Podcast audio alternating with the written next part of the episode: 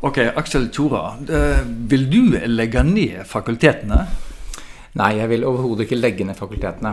Med mindre det skulle vise seg fornuftig. Og um, det jeg har forsøkt å gjøre i den kommentaren i adressa... Nei, det jeg har forsøkt å gjøre i den kommentaren i Universitetsavisa, er jo nettopp å bare stille noen spørsmål om hva er bidraget til fakultetet. Eh, og da bruker jeg rett og slett samme metode som vi alle andre er underlagt. Eh, og nå rapporterer vi vår vitenskapelige produksjon, eh, altså publikasjoner, eh, undervisning og den slags ting. Og det har vært interessant å eh, fakultetet, administrasjonen ved fakultetene rapportere sin. Du kaller det fakultetsadministrasjon her nå, da, men i kronikken din kaller du de for fakultetsbyråkrater. Hva er det som er så eh, gale med å være byråkrat? Det er ingenting galt med å være byråkrat. Jeg har hatt eh, stor hjelp eh, med byråkrater på fakultetsnivået. Uh, F.eks. når det gjelder søknadsskriving, både til Forskningsrådet og andre steder. Eh, Så jeg har ikke noe problem med å forstå at vi har behov for eh, de byråkratene ved fakultetet. Eh, Det som er spesielt med fakultetsnivået, er jo at det er et rent administrativt nivå. Vi har ingen undervisning og forskning. Eh, Så det som blir viktig for meg, er at eh, de som gjør administrativ jobb, sitter så tett på kjerneoppgavene at de bidrar så godt som mulig til kjerneoppgavene. Og det som er spørsmålet da, er om en del av det arbeidet som skjer ved fakultetene, skulle ha skjedd ved andre nivåer. Hvilke andre nivåer snakker vi om da? Ja, Da snakker vi enten instituttnivå, og vi snakker også rektornivå. Det kan hende at eh, noen eh, sentrale oppgaver skulle dyttes oppover, og det kan eh, hende at noen oppgaver skulle dyttes nedover. Litt avhengig av hvor tett de sitter på konkret forskning og undervisning, læringsopplegg osv. Personlig så har jeg hatt veldig stor nytte av av informasjonskonsulent på SVT-fakultetet f.eks. Men jeg ser ikke at jeg hadde hatt noe større problem med å få vel så mye hjelp om vedkommende satt på instituttet eller hos rektor. Eh, For det handler mer om den her eh, personlige hjelpa. Eh, Og da syns jeg, når vi bruker så mye tid på strukturdiskusjon på nivå to, altså fakultetsnivået, så mangler vi noen spørsmål, egentlig, syns jeg, da. Eh, Hva er det fakultetsnivået skal, eh, skal bidra med? Du dro jo sjøl inn eh, begrepet New Public Management. Er det det som er altså Er det der som på en måte er ditt ankepunkt? da? At du ser på altså fakultetsnivået som et, som et unødvendig styringsnivå? For oss som driver med undervisning og forskning, så er det det tydeligste fakultetet gjør, det er eh, å be om rapporter. Eh, så det er en rapportering, kontrollfunksjon, som er tydeligst for oss eh, som, eh, som, dri, som sitter i kjernen, som, eh, som ansatte, som arbeider med undervisning og forskning. Um, og eksempel så er det sånn at vi blir bedt om å rapportere veiledning for hver enkelt stipendiat hvert eneste år.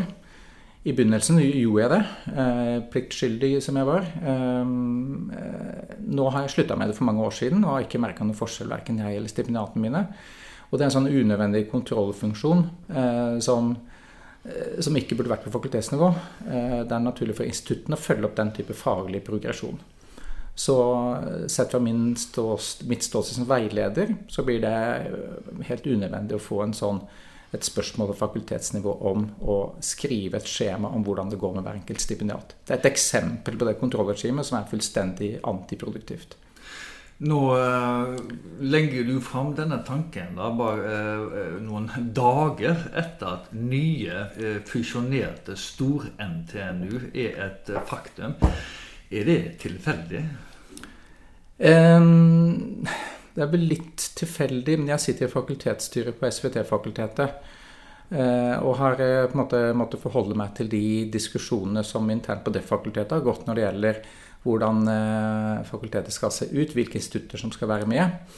Og ser nå veldig tydelig at liksom, de argumentene som brukes for de ulike modellene, er veldig lite knytta til hva fakultetets innhold skal være arbeidsmessig. Og da mener jeg at vi, vi må ta et skritt tilbake, mener jeg. Eh, og altså det som har skjedd, er jo at eh, fakultetet har jo vært der all tid. Men det har skjedd ganske mye når det gjelder fordeling av ulike oppgaver på institutter og fakulteter f.eks. Det har skjedd en profesjonalisering av instituttet når det gjelder ledelse og administrasjon. Eh, en del institutter har blitt slått sammen og er større.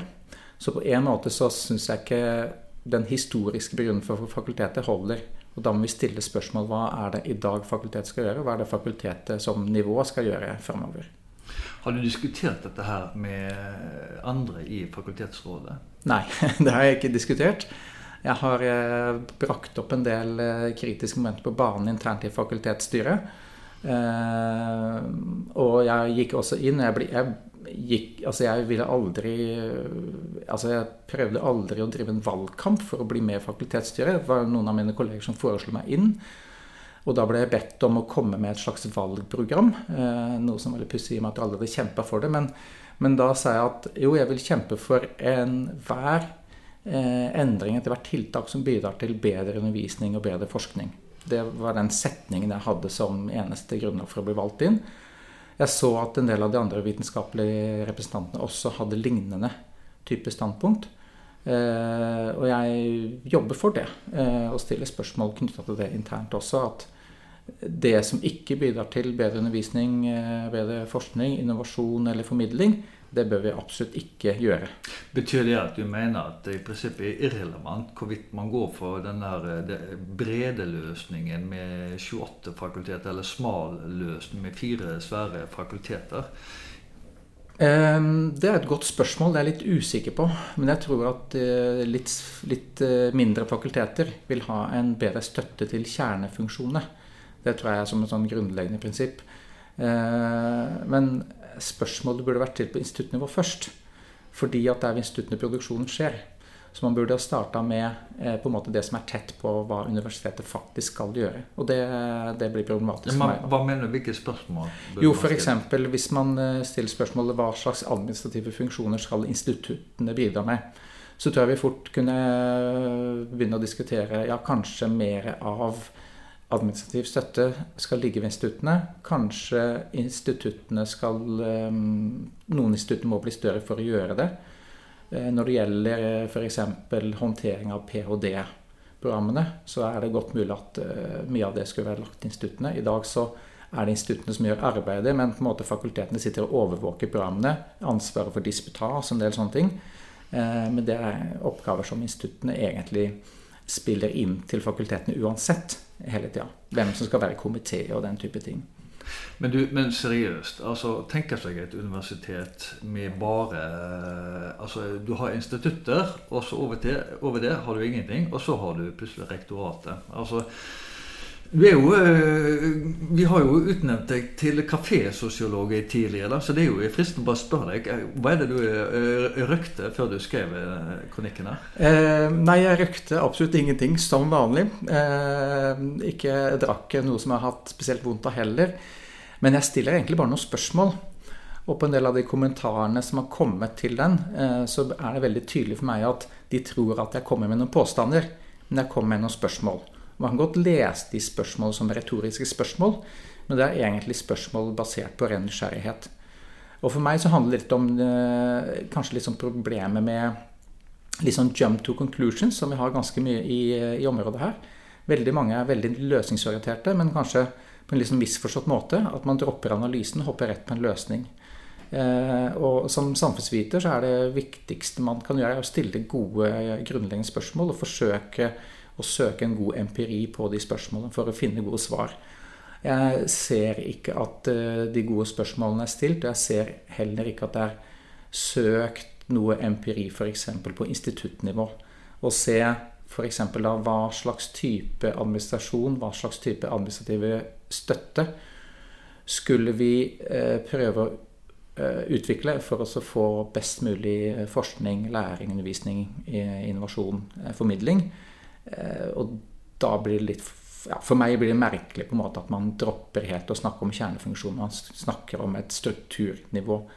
Eh, man snakker om struktur uten å snakke nok om innhold, etter min mening.